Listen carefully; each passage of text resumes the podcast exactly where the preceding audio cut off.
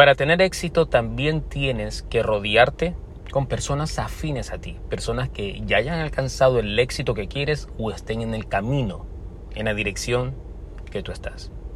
Hola, soy Freddy Guevara y este es otro episodio de, de Freddy Guevara Talks.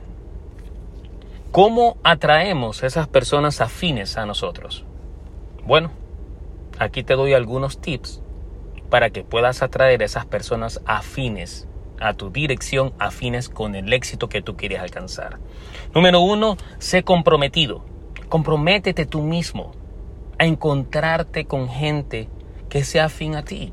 Incluso si es que tienes que pagar por su tiempo y por sus servicios, tales como coaches, mentores, si tú estás en ese auge, tú puedes usar personas que ya hayan alcanzado el éxito y que ahora están prestando sus servicios como coaches y mentores. Aprovecha, pero sé comprometido, incluso si tienes que pagar por esos servicios. Número dos, sé consistente. Siempre, no desperdices ni un solo día. Siempre reúnete con alguien que pueda ayudarte, con alguien de quien tú puedas aprender más. Número 3. Sé creativo.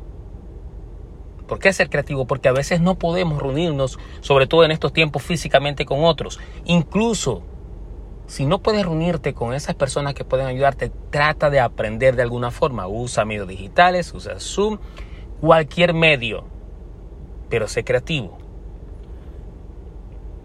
Actúa con propósito. Siempre prepárate. Esto es crítico. En cada interacción que vayas a tener, siempre anda preparado. Siempre anda preparado con preguntas, con, con obstáculos que quieras vencer. Siempre prepárate por cada interacción que tengas. Sé reflectivo. Reflexiona después de cada encuentro y después de cada interacción que tengas con las personas que puedan ayudarte. Reflexiona sobre lo que has escuchado, lo que has visto, lo que has leído. Reflexiona sobre todo lo que has podido aprender. Y por último, sea agradecido.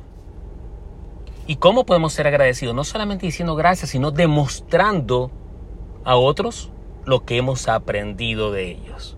Créeme que para las personas de éxito es, un, es una gran satisfacción ver cómo somos nosotros la causa de que otras personas, a través de nuestros consejos, logren el éxito que quieren.